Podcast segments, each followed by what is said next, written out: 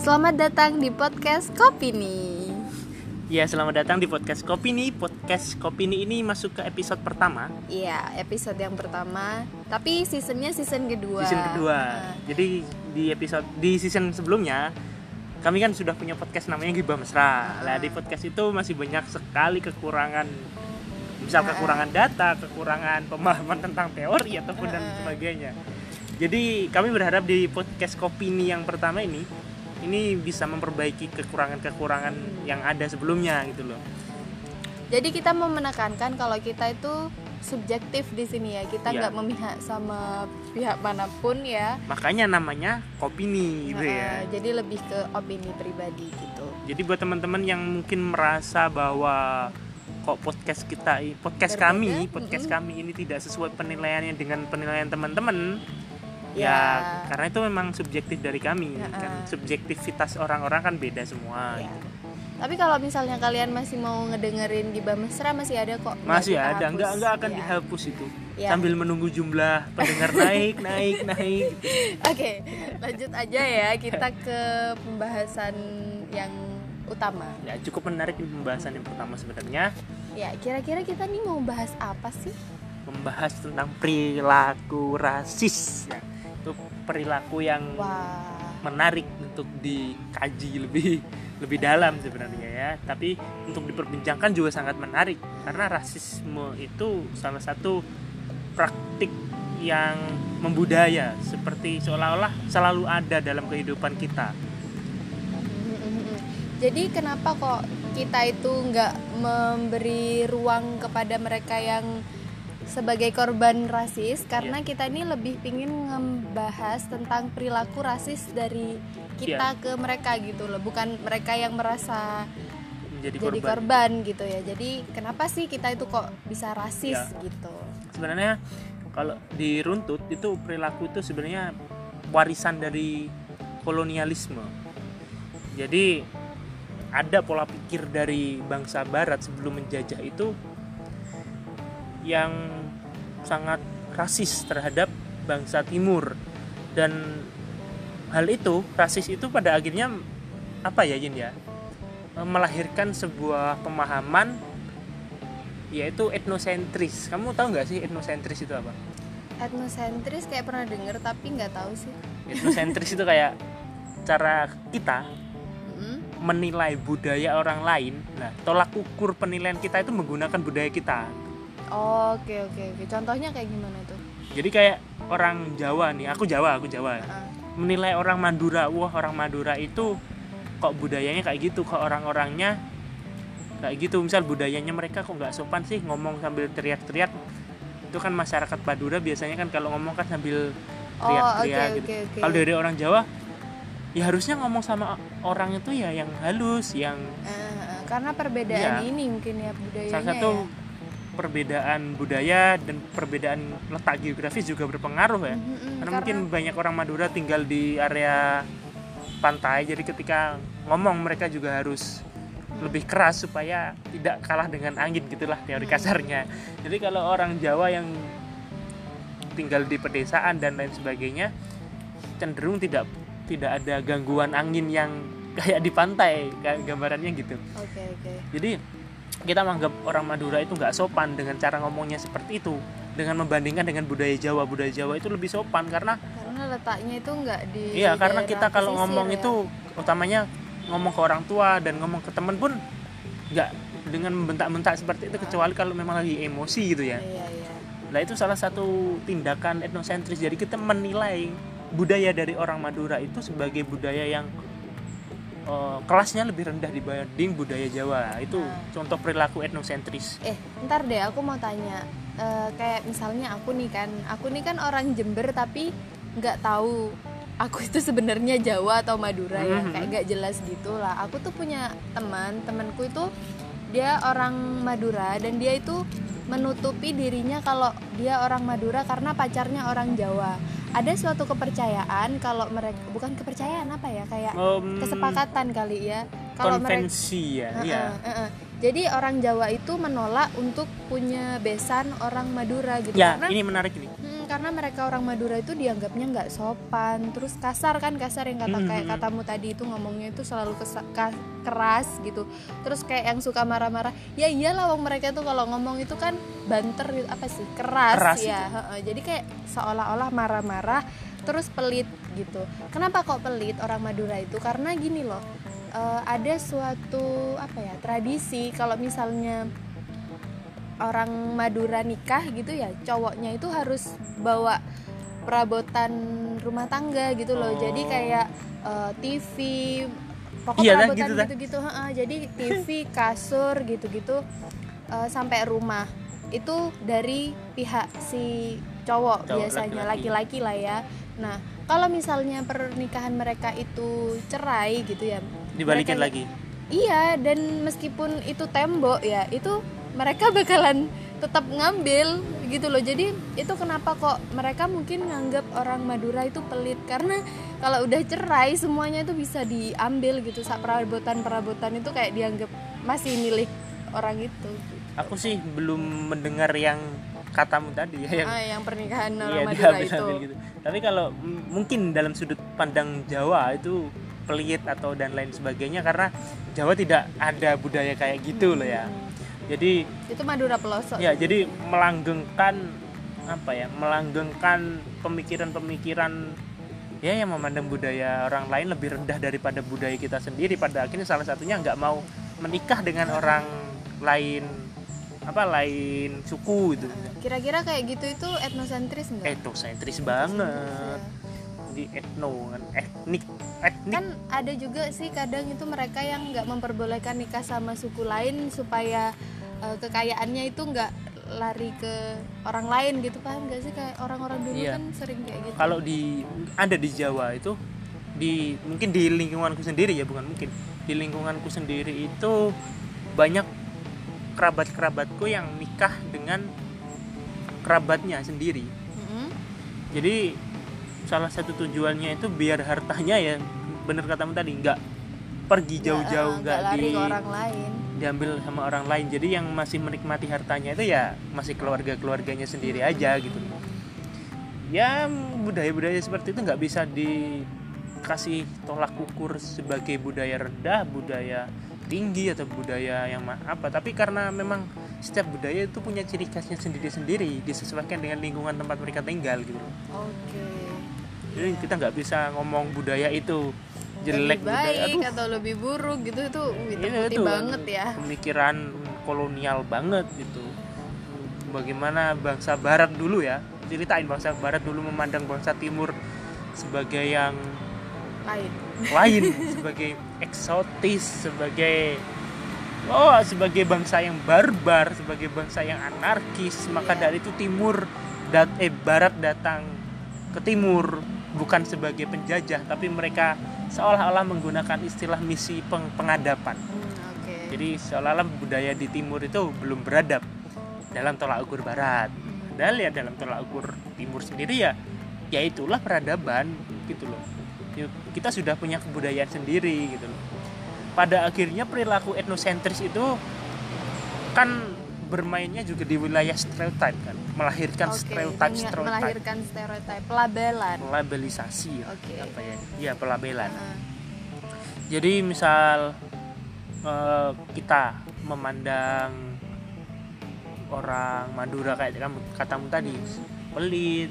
Ada ada satu lagi dari orang Madura yang dalam pandangan umum orang Jawa itu suka pamer dan lain sebagainya. Oh iya, soalnya kan ini ya kalau orang Madura bukan nggak tahu ini cuma orang Madura atau enggak, mereka biasanya itu loh kecantikannya itu diukur dari Perhiasan seberapa ya? banyak iya dia punya perhiasan kayak emas-emasan gitu. Kalau kata dosenku dulu sih Profesor Sofian itu ngomong kalau itu bukan bentuk pamer tapi itu sebagai bentuk harga diri dari orang Madura. Ah, iya iya iya. ya mereka benar. percaya diri dan merasa punya harga diri tinggi dengan memakai perhiasan semacam itu gitu loh.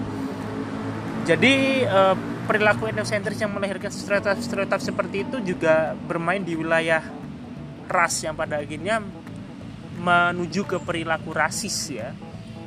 Oke. ya karena memang ras itu sebagai modal awal dari stereotip dari etnosentris sendiri modal awalnya itu ya awalnya itu diras. Sebelum orang memandang kebudayaan orang lain itu rendah yang tidak berdasarkan ras ya. Misalkan karena orang Jawa dengan orang Madura itu kan sama kan rasnya. Kalau stereotip ini contohnya lebih ke kayak gimana nih? Nah, modal awalnya di ras eh, jadi stereotip itu eh, bermainnya di wilayah apa ya, apa ya? Representat representasi. Oke. Kayak kayak gimana itu kita memiliki satu simbol terhadap kebudayaan orang itu. Misal dari warna kulit kita memandang orang Papua sebagai orang yang hitam, otomatis pikiran kita ketika memikirkan kulit hitam itu, pemikiran kita akan jauh mengelana bahwa orang-orang hitam itu sebagai orang-orang yang barbar, benar orang-orang yang apa ya belum beradab, orang-orang yang eksotis. Nah, itulah pokok orang-orang yang masih belum tersentuh dengan dunia modern gitu. iya. Pemikiran kita kan kayak gitu. ke warna kulit nih ya Warna kulit contohnya itu ke warna kulit banget. Jadi itu pada akhirnya kita itu meniru penjajah kita sendiri loh.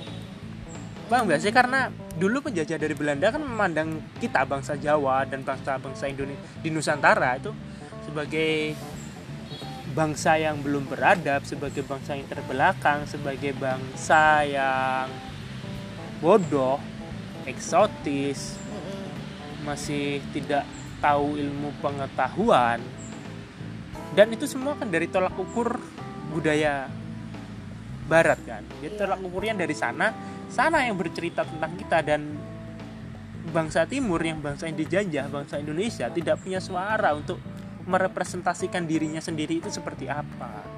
Oke, lucu, lucu juga ya soalnya eh, standar kecantikan di Indonesia sendiri tuh ngikut ke orang Nah, salah satu sana contoh kasusnya gitu, juga sampai- standar kecantikan iya, kulit loh. Bahwa Kulit. kulit orang Jawa itu ya coklat, ya kuning. Mm-mm.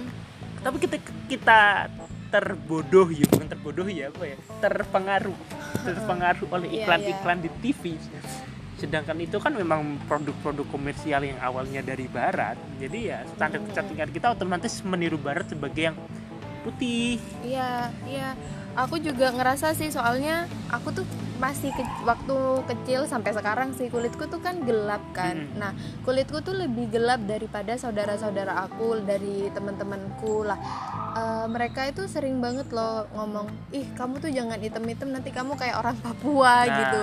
Terus kalau misalnya ada ada temanku dia udah hitam terus juga rambutnya itu kriwil-kriwil gitu tuh lah Mm-mm, itu udah dipanggilnya tuh Papua gitu. nah Padahal dia bukan orang Papua gitu loh.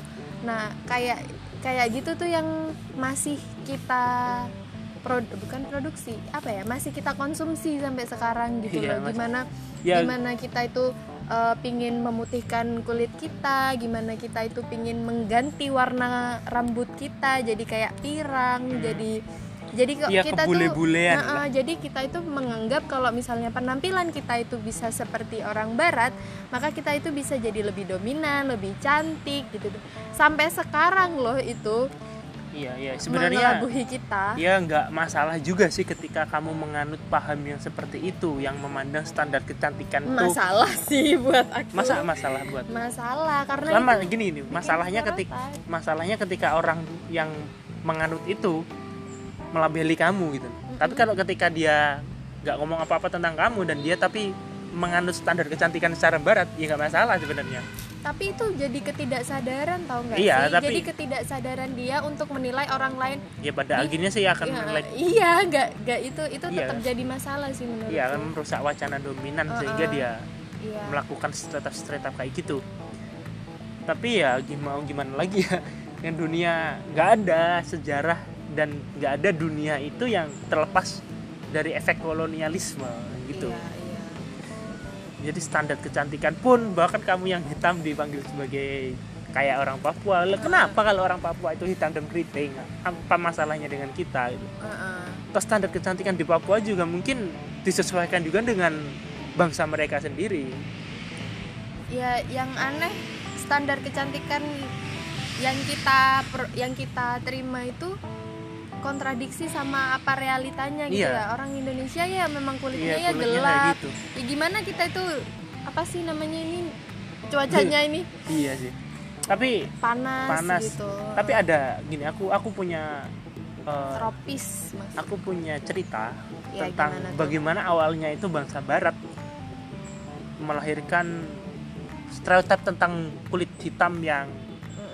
Aneh sebagai yang ya pokoknya yang Iya, iya, negatif-negatif iya. gitu Iya, ya coba gimana ceritanya yang sampai masuk sampai saat ini gitu. Awalnya itu dulu sebenarnya bangsa barat itu memandang kulit yang hitam itu seperti seorang yang apa ya? Bukan manusia. oh kayak gimana itu Jadi manusia dulu dibedakan berdasarkan jenis kulitnya bahwa ya manusia itu ya kulitnya putih dan lain sebagainya.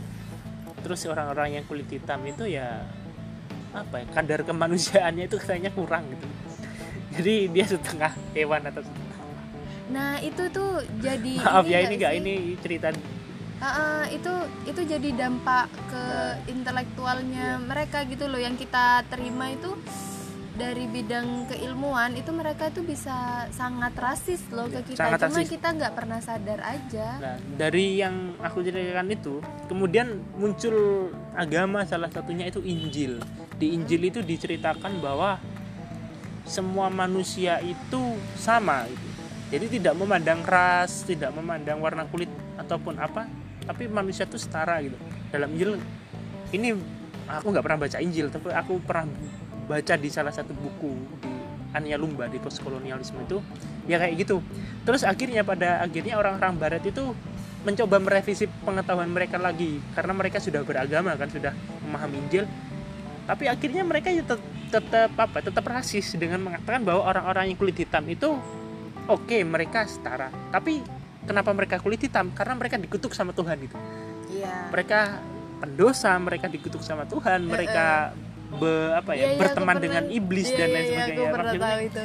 Lah itu akhirnya dibawa sampai masuk ke ranah sampai sekarang. Heeh. jadi kayak eh, orang barat itu tetap memproduksi pengetahuan-pengetahuan yang rasis seperti itu. Jadi tujuannya ya nantinya untuk kolonialisme itu kemudian ada lagi ini Yin aku kasih tahu ya ada lagi. Iya kasih tahu semuanya sudah nggak respon. tahu. Respon. Respon dari bangsa timur ketika sudah dilabeli seperti itu. Heeh. ini bukan apa ya emang dulu nggak ada ilmu ini. Ilmunya namanya oksidentalisme maaf ada gangguan itu suara apa ya? Bangsat Anjing. kita nggak tahu mau rekaman di mana yang sunyi sepi gitu. Iya, iya. sunyi sepi kan malam kita nggak mungkin bertemu saat malam. Ya aku jelaskan lagi. Ada ya. respon dari timur yang balik memandang barat melabeli barat. Namanya itu oksidentalisme. Jadi kalau Ah. orientalis itu ya, artinya Cara- itu sebagai cara barat memandang timur gitu. Enggak enggak gini loh Gimana, orientalis gimana? itu kan artinya tempat matahari terbit gitu kan oh jadi secara iya cara harfiah artinya gitu jadi cara barat memandang timur nah kemudian iya kemudian dibalas sama timur dengan oksidental jadi cara timur memandang barat oksidental itu tempat matahari terbenam gitu. ya, ya, ya. ya jadi itu apa Jadi cara barat, eh, cara timur memandang barat itu pada akhirnya juga sama dengan cara timur cara barat memandang timur. Ya akhirnya melabil, melahirkan labelisasi. Bangsa timur memandang barat itu eh, sebagai sopan. ya nggak sopan. Ya terus yang seolah-olah sopan itu kayak gimana seolah-olah Oksiden itu seperti apa ya membalas seperti serangan balasan gitu terhadap iya, iya. Oriental. Eh kamu ingat eh nggak tahu kamu ingat atau enggak ya itu kan dulu waktu apa orang Belanda datang ke Jawa itu kan mereka nganggapnya orang Belanda itu nggak punya sopan santun gitu itu yang maksudnya Oksiden itu. Ah, ah. tapi dulu kan belum diteorikan hal Iya gitu. iya iya yang kayak gitu kan jadinya orang Jawa itu benci kan dengan adanya orang Belanda karena orang Belanda itu kayak nggak ada nggak ada akhlaknya gitu tiba-tiba jalan Ya, mereka padahal mereka itu ya, petinggi gitu. kalau dua budaya berbeda disatukan ya nggak bisa langsung Iya diterima. pasti ada culture culture shock. ya. Nah, iya. Kekagetan apa kekagetan Iya. budaya. Budaya kaget kaget Ah, budaya. ah, ah. anjing bangsat iya kayak misalnya kalau ini deh mamaku mama papaku gitu kalau ketemu kalau misalnya kita jalan-jalan ke Bali gitu terus ada bule, Bule, bugil, ya, terus pakai- ciuman gitu itu mata mata itu ah disuruh nggak sopan nggak sopan gitu kayak gitu Nah, gitu loh. ya pada akhirnya ya sebenarnya kita juga sama dengan mereka sama-sama melakukan pelabelan. Iya. Karena gimana ya? Tapi yang paling yang paling langgeng ya emang di Orient itu sih. Di efek-efek yang bisa kita dapatkan pasca kolonialitas itu Hmm? ya salah satunya seperti kita memandang budaya orang lain sebagai budaya yang rendah salah satunya kita memandang budaya Papua tadi loh oh iya budaya iya budaya iya yang barbar dan lain sebagainya kan pada akhirnya kalau kata dosen pembimbing skripsiku itu gimana? timur menimurkan timur ini, ini Iya, ya kan kita tuh letaknya tuh gak jelas ya di timur ya gak terlalu timur. Maksudnya kita ada di tengah-tengah gitu di Jawa gitu loh. Kita ng- mandang timur itu Papua ya. Apa Iya. Irian Jaya? mungkin kamu rada rada perlu diluruskan Iya, gimana kan Jadi- aku nggak tahu.